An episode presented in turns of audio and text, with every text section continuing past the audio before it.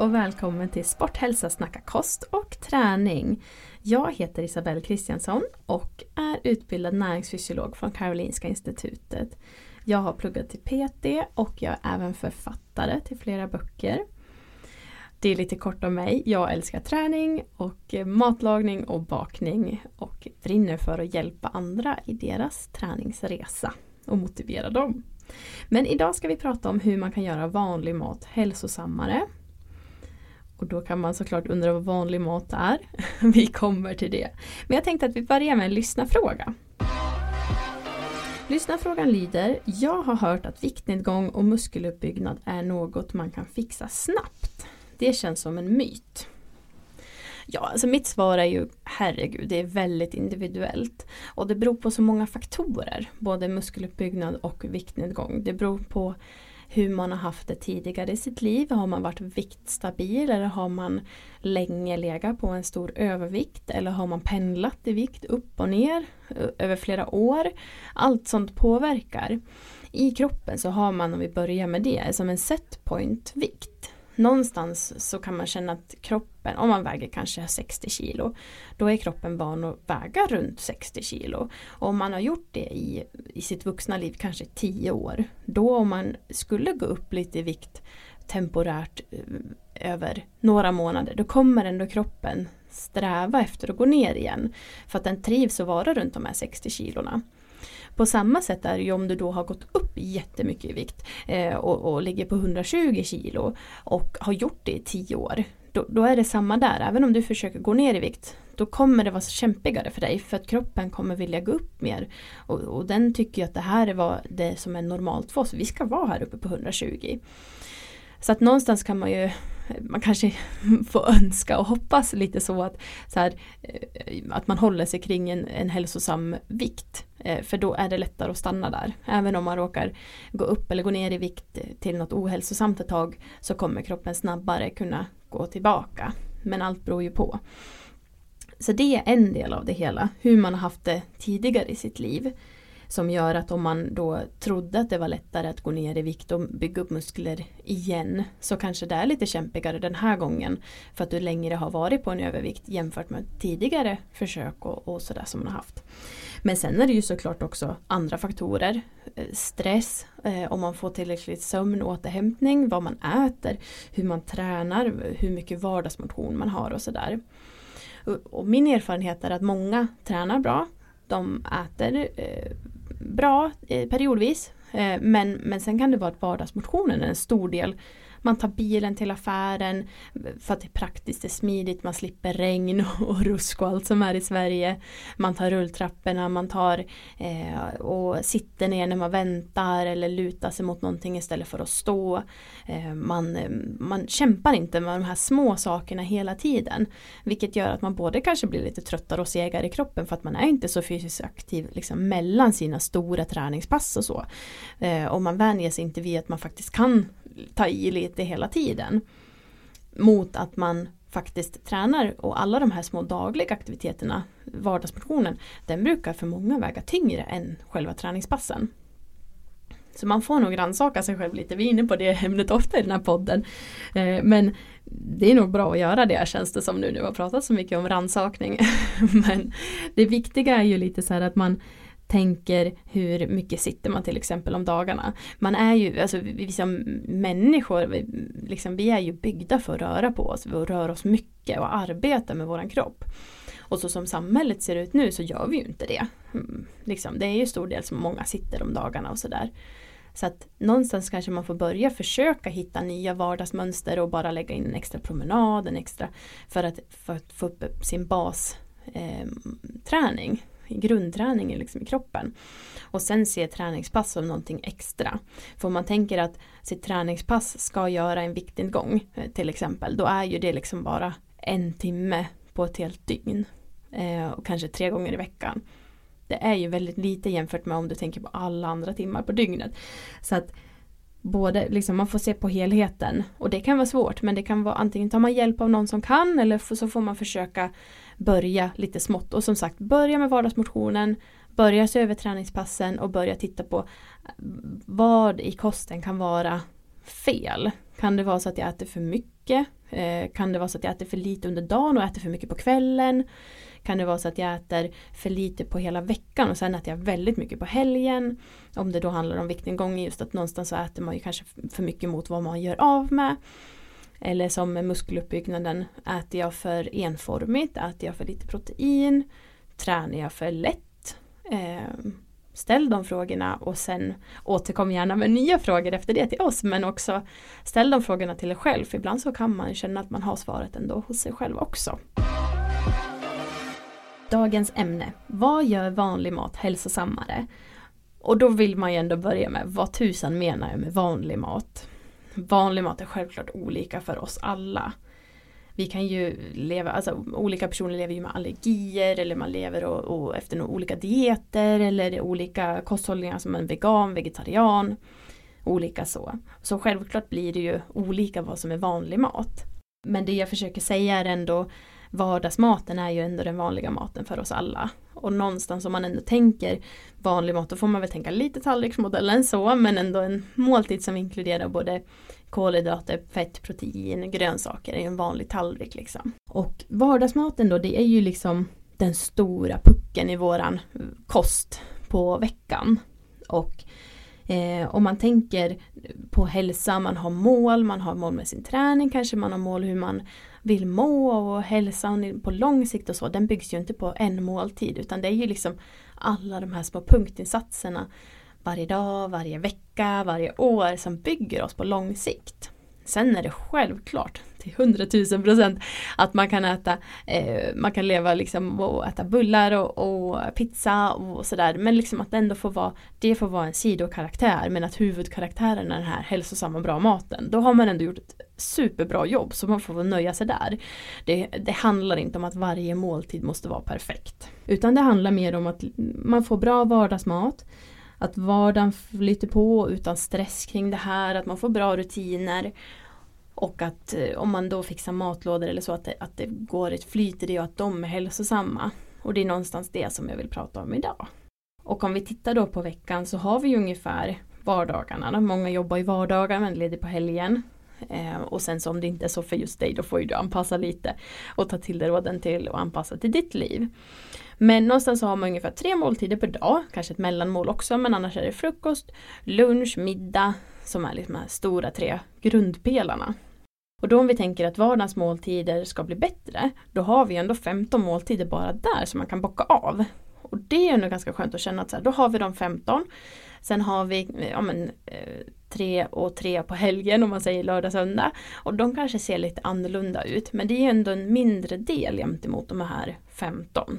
Sen kan man ju ändå eh, inte känna att helgen kan vara hur utsvävande som helst utan någon rimlig gräns måste det ändå vara där. Man kan ju inte bara ösa på hur mycket liksom mättade fetter och kalorier och socker och så under helgen också.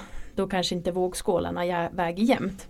Men generellt så brukar jag tänka att det är en hälsosam livsstil att någonstans känna att 15 måltider av alla på veckan är en jättebra hälsosam grund och rulla på på det schemat. Och de här andra sex, de kanske är lite mer ehm, varierande. För då om vi tänker att alla de här 15 måltiderna inkluderar mycket bra vitaminer, mineraler, fibrer, bra med protein, bra fettkällor. Då spelar det mindre roll att de här andra måltiderna som kanske är en, en brunch på stan med mycket mättat fett eller om man tänker en fika med mycket socker eller någonting som saknar vitaminer eller mineraler då spelar det mindre roll för hälsans skull. Men som sagt, vid viktnedgång om det är det som är liksom det primära som du jobbar för och strävar för då måste man ju ändå tänka någonstans en rimlighet också. Att de här andra veckans måltider, helgen om vi säger så, att de kan inte vara helt okontrollerade. Då kanske man kan tänka någonstans mer att så här, 90% är bra, 10% får jag lite fritt spelrum men inte en crazy spelrum om man säger så. Yes, vi kliver in lite mer och tittar mer på tallriken då. Vad kan vi göra för att förbättra den vanliga maten?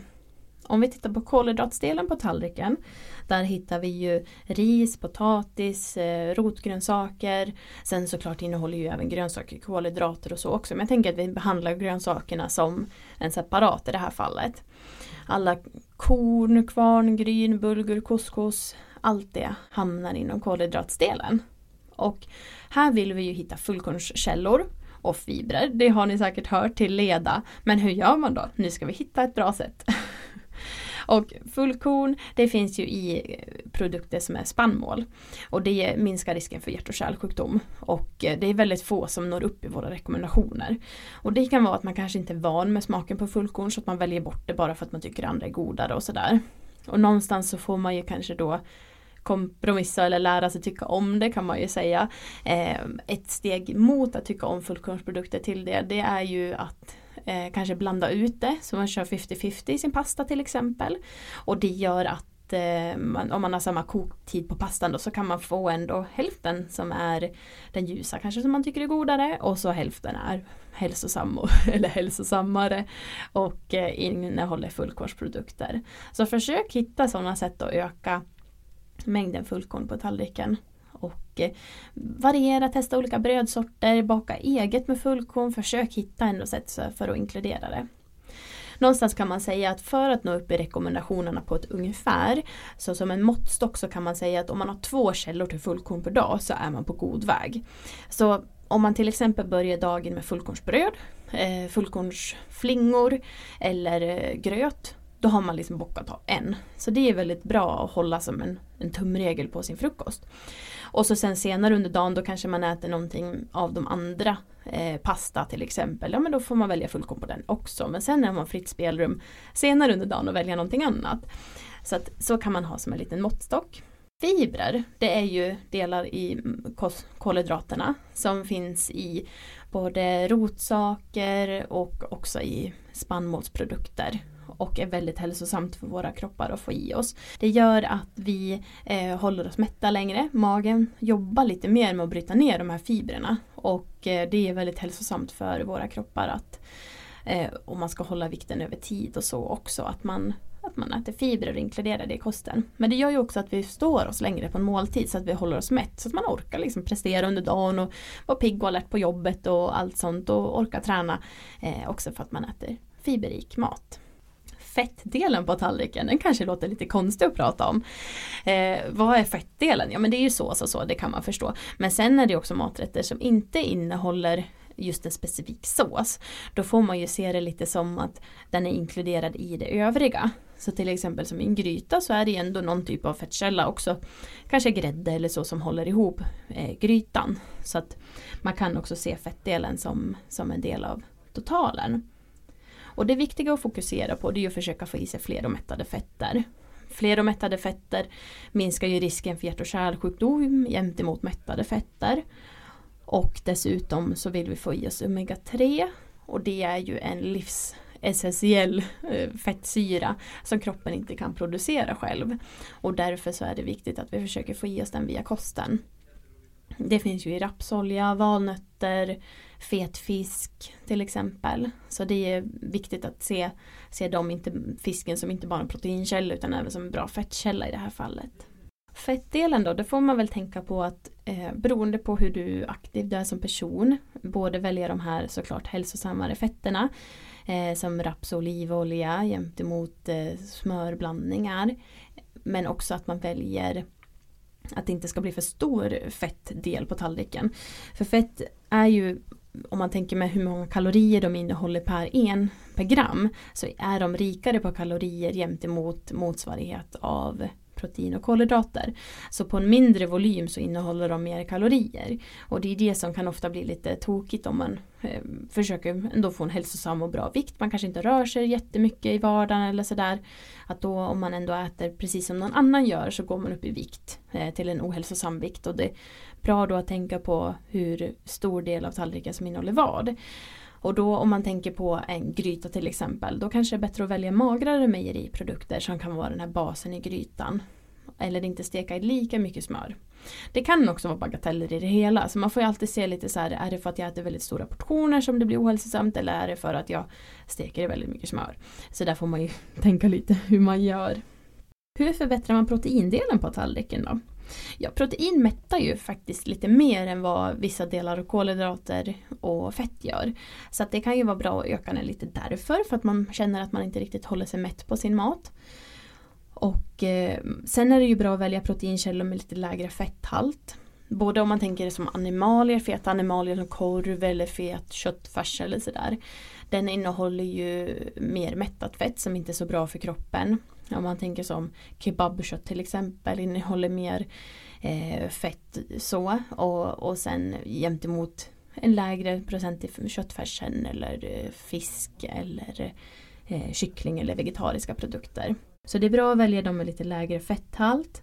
Och eh, såklart proteindelen kanske är bättre för att den mättar mer. Men det finns också ett tak på det att mm, det är inte, ju mer proteiner inte desto bättre.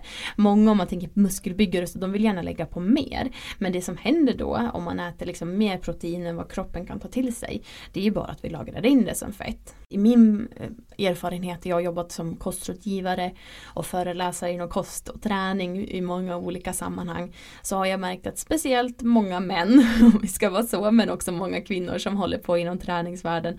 Då är det mycket protein som ska in. Och till slut så måste man ändå inse så här, tränar jag så mycket så att jag behöver allt det här? Kommer jag kunna ta till mig det här?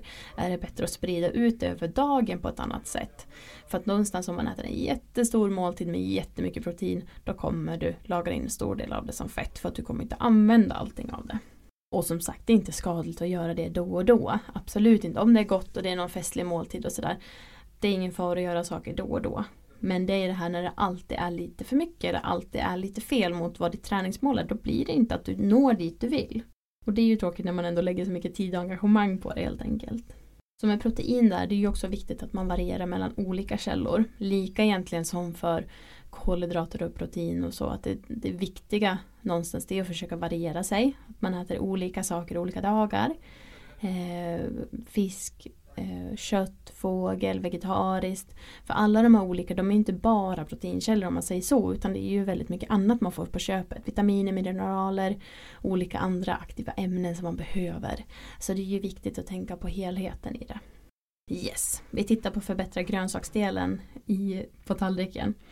Och grönsaker, då kan man ju tänka att många kör den här standarden. Man kör majs, man kör eh, salladshuvud, eh, man har gurka, tomat. Och det är ju väldigt mycket grönsaker som innehåller eh, mycket vätska. Och eh, det är gott och det är bra. Men jag tror många glömmer bort att man behöver de andra grönsakerna. Alltså rotgrönsaker, de kan ju både gå på kolhydratsdelen absolut men de går också under grönsaksdelen beroende på.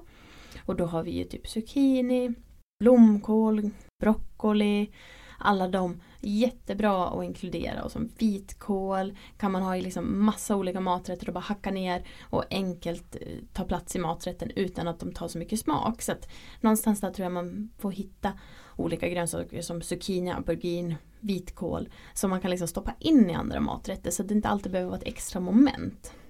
Och det är ju jätteviktigt också. Vi ska prata alldeles strax om matlådor. Men att eh, försöka hitta grönsaker som kan gå in i, mat, i maträtterna. Om man tänker en gryta. Som korvstroganoff till exempel. Hur kan jag förbättra den?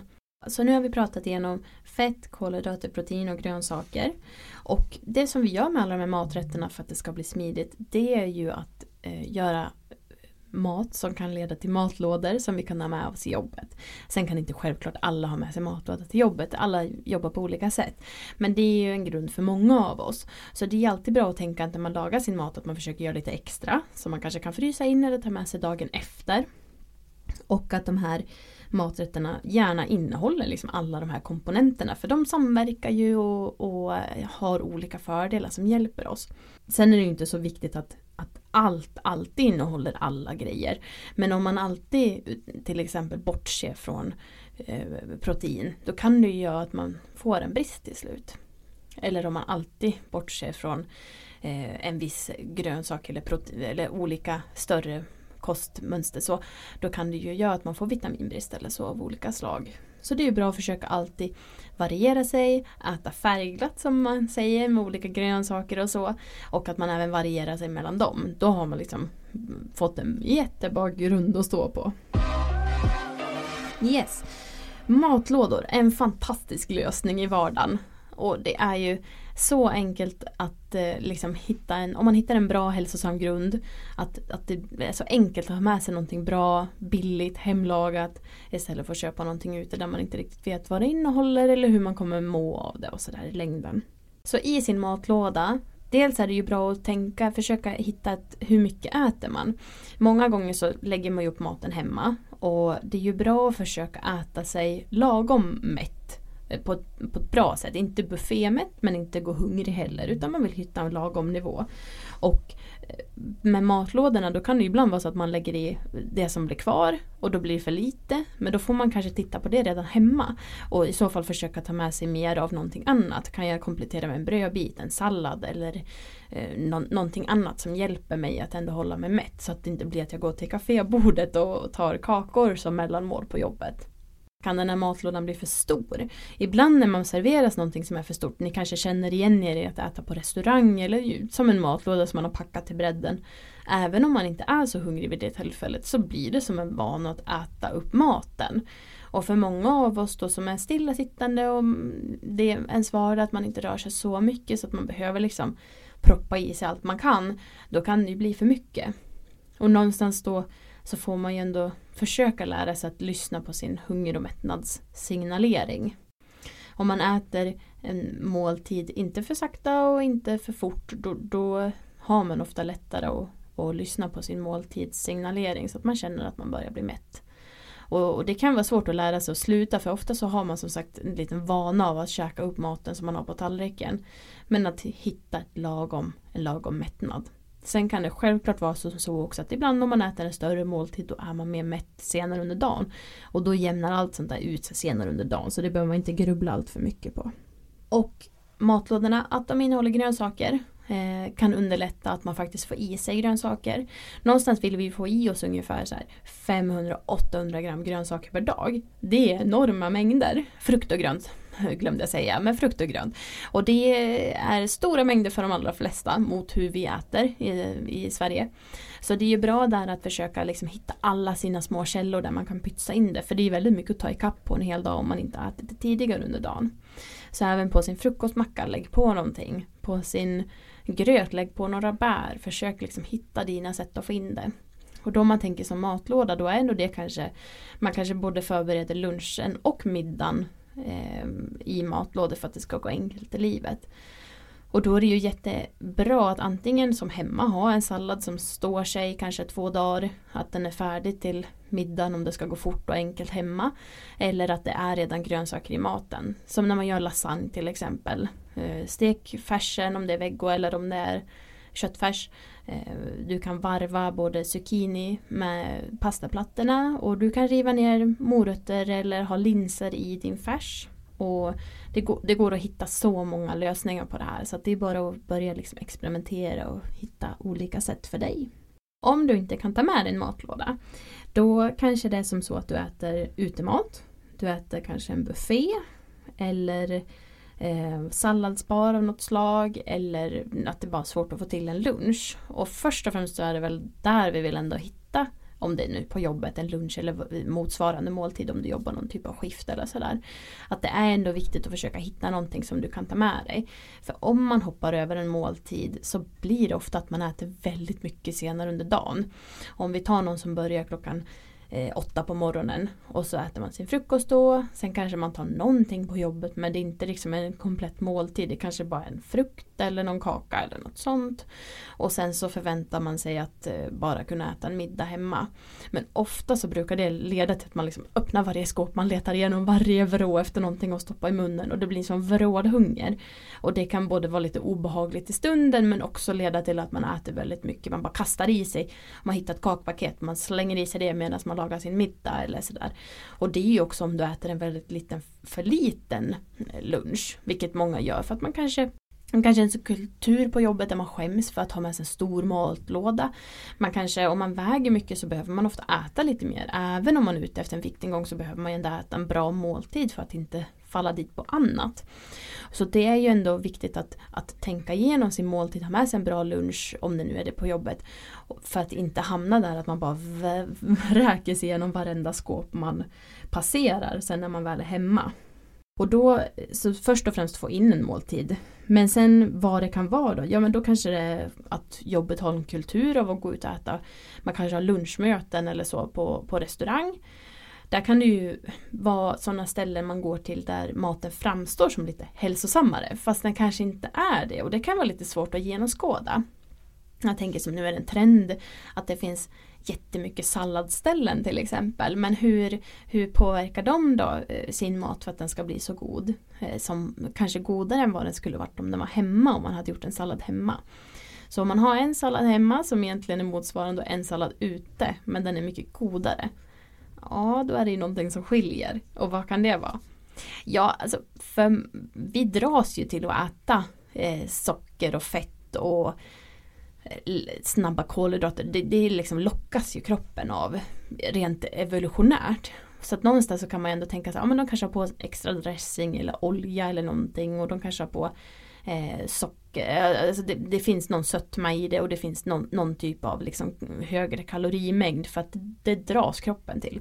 Om man tittar på studier där de jämför två grupper där de för, har någon typ av livsmedel som de får äta där det inte är någon smakskillnad men den ena gruppen eh, den, det livsmedlet innehåller mer kalorier.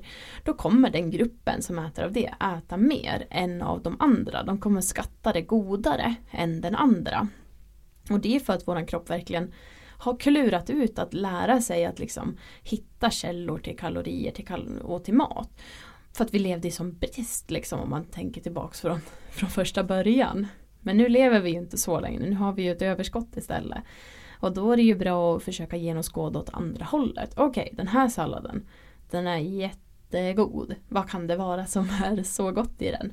Kanske att den innehåller ganska mycket.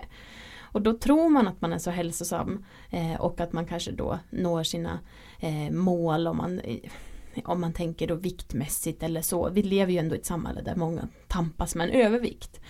Ehm, så att då, då får man ju ändå försöka genomskåda det. Sen kan det självklart vara så att en sallad innehåller väldigt, eller en maträtt innehåller väldigt mycket bra kalorier. Alltså det är väldigt mycket näring och väldigt mycket nyttigt i för oss. Och det är ju jättebra för oss att äta det.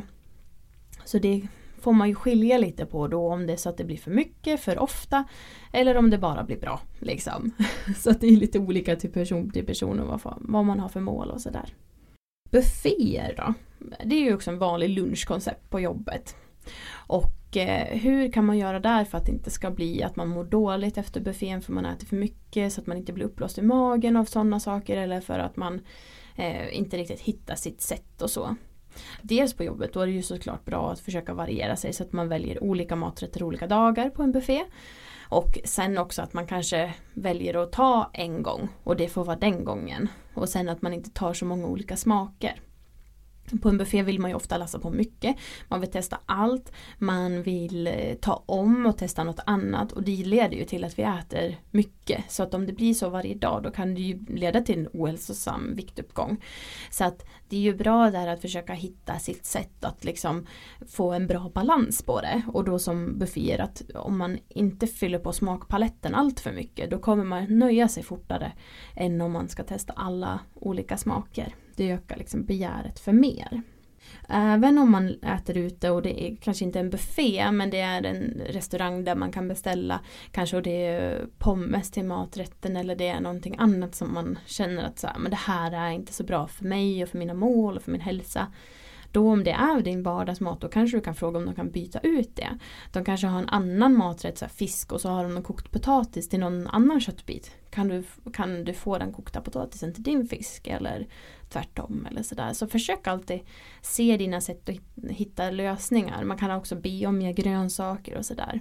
Jag, jag har mött många kostrådgivningsklienter och så som bara, men gud jag har aldrig tänkt på att man kan be om någonting. Men det kan man ju, det är ju inte fasta menyer. Man kan alltid fråga. En liten inzoomning på frukost. Eh, det, frukost är ju en jättebra start på dagen för oss. Eh, att det, liksom, det startar upp våran, ger energi och en mysig stund och allt sådant. Så att eh, det, det, ska man ta vara på.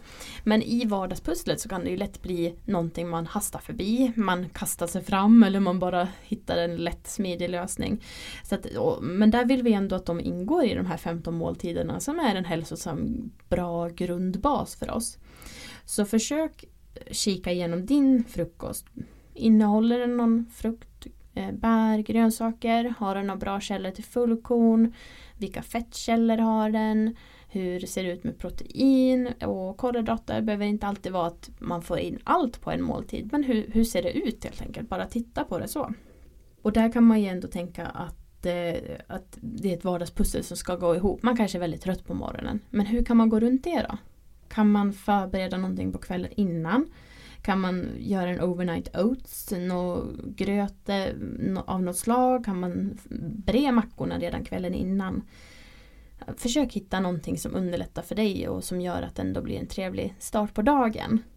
Och sen kan det ju också vara så enkelt som att man om man kommer upp på morgonen, köket är stökigt, man måste, känner att man måste fixa det och man måste ställa fram frukosten och det är liksom många steg tills man faktiskt kan sätta sig ner och äta.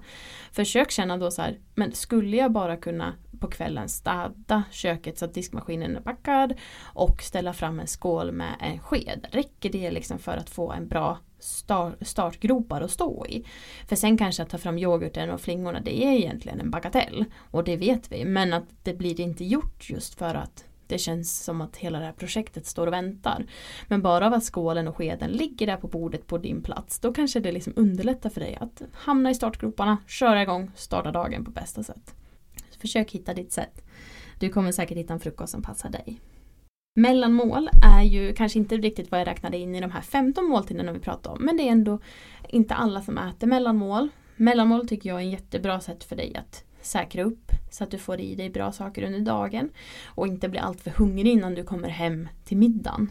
Så att det, det, är en bra bonus man kan lägga in. Man kanske inte alltid äter mellanmål men försök se vilka dagar som är mer krävande där du behöver det. Kanske där du tränar eller så. Och ett bra mellanmål det ger ju mättnad, energi, lagom mängd kalorier och är god. Och det kan vara att det innehåller frukt, bröd, knäckebröd, pålägg och gärna med grönsaker på också. Ägg är ju toppen, eh, ett jättebra ämne och eh, livsmedel att få i sig med D-vitamin och proteiner och andra vitaminer och mineraler. Så försök inkludera ägg gärna. Och då finns det ju, man kan ju göra massa olika, liksom, om man är hemma kan man göra en omelett eller man kan ha med sig ett kokt ägg eller stekt ägg på macka eller sådär. Snacks och fika kan man ju se lite som ett mellanmål. Men försök göra det lite då och då. Man kan ju egentligen se dem mer till de här andra sex måltiderna vi pratade om eller en bonus bland dem. Och inte någonting som man inkluderar hela tiden. Men det vet vi ju redan egentligen att vi inte ska äta för mycket snacks och fika. Men samtidigt så är det ändå så här, vi lever nu, här och nu. Och det är ingen fara att äta det då och då. Men desto viktigare blir det de här basen, hälsosamma basen. Då har vi verkligen utrymme för snacks och fika utan dåligt samvete. Smoothies har det varit en jättestor hälsotrend under senaste tiden. Eh, är de då så bra som man kan tro? Det beror väl helt på. Eh, det finns, ju, det finns ju de som har svårt att få i sig eh, kalorier och tillräckligt och en drickbar föda är jättebra. Det finns de som har svårt att äta de här kanske spinatbladen eller så i annan form. Men då får man i sig de nyttigheterna så det är ju ändå positivt på så sätt. Sen finns det ju baksidan av det hela att om du tänker att du hade ätit en banan och eh, lite yoghurt då hade du varit mätt. Medan i en smoothie då kan du trycka i banan, yoghurt, jordnötssmör spinatblad eller mango eller något sånt. Och du hade liksom, man får i mycket mer på mindre volym och sen suger man i sig det. Och då mättar det inte lika bra heller. Så det kan vara för vissa att de får i sig väldigt mycket som de annars hade liksom kanske inte, de behöver inte och de får i sig för mycket. Så att det är ju alltid lite en balansgång där och försöka hitta ett mellanmål som funkar men där det inte blir galet mycket. Och mejeriprodukter, du får gärna välja magra mejeriprodukter berikade med D-vitamin och generellt med mellanmål så om det är ute på språng försök hitta varianter som är lättpackade, lätta att ta med sig. Det finns ju liksom de saker där man måste ha med sig det i väskan och det ska tåla rumstemperatur. Då funkar ju ändå frukt och vissa smörgåsar hyfsat stor del av dagen att ta med sig redan från morgonen. Och annars så som proteinprodukter eh, som en proteinshake eller något sånt där. Då finns det också färdiga eh, puddingar och sånt på affären som tål rumstemperatur. Så att man får ju ändå tänka lite sådär eh, det som är perfekt behöver liksom inte vara det som funkar i vardagen utan det som är perfekt är det som ändå funkar i vardagen och är hälsosamt. Yes, sista på dagen. Det är ju middagen för många men ibland kan det behövas ändå ett kvällsmål och det är ju lite olika hur man är där, hur pass sent man äter middagen och vad som händer efter middagen. Vissa kan ju få ett väldigt sötsug efter middagen. Och då är det ju väldigt bra att försöka förhindra det. För som vi pratade lite om det här med fett och så att det, vissa livsmedel de innehåller väldigt mycket kalorier på liten volym. Och då är det ju väldigt bra att försöka hitta någonting som kanske har större volym, eh, lägre kalorier per volymenhet och som ändå är gott och mättar bra. Och vänja sig att äta det istället för att äta någonting annat på kvällen. För annars kan det där sötsuget lätt leda till ett nonstop ätande så att det, som bara fortsätter. Och eh, då ja, men, försöka hitta någonting annat än kakor och sötsaker på kvällen. Det kan vara kanske skiva upp ett äpple istället för att äta äpplet som det är, att det känns lite lyxigare. Eller äta två fina knäckemackor eller majskakor med olika pålägg eller sådär. Så att om det är så att man hittar sig själv med ett väldigt sötsug efter middagen då, då är det bra att lägga in någonting extra. Annars om det är lugnt efter middagen och sen går man och lägger sig, man kanske äter middag sent. Då behöver man inte riktigt ett kvällsmål. Man får hitta sitt egna sätt helt enkelt. Alla lösningar behöver inte vara det perfekta. Ofta är det perfekta det som är tillräckligt bra och det som funkar i din vardag. Så att, kom gärna med frågor på exempel från din vardag som vi kan besvara i nästkommande avsnitt. Så blir vi så glada för det. Tack för att du har lyssnat på Sporthälsa med mig Isabelle. Och om du vill följa mig på sociala medier så hittar du mig på Belle Blonkan. Sporthälsa har ju sin egna Instagram som du också gärna får kika in på. Och har du någon lyssnarfråga så får du jättegärna skriva den till oss. Ha nu en fortsatt fin dag!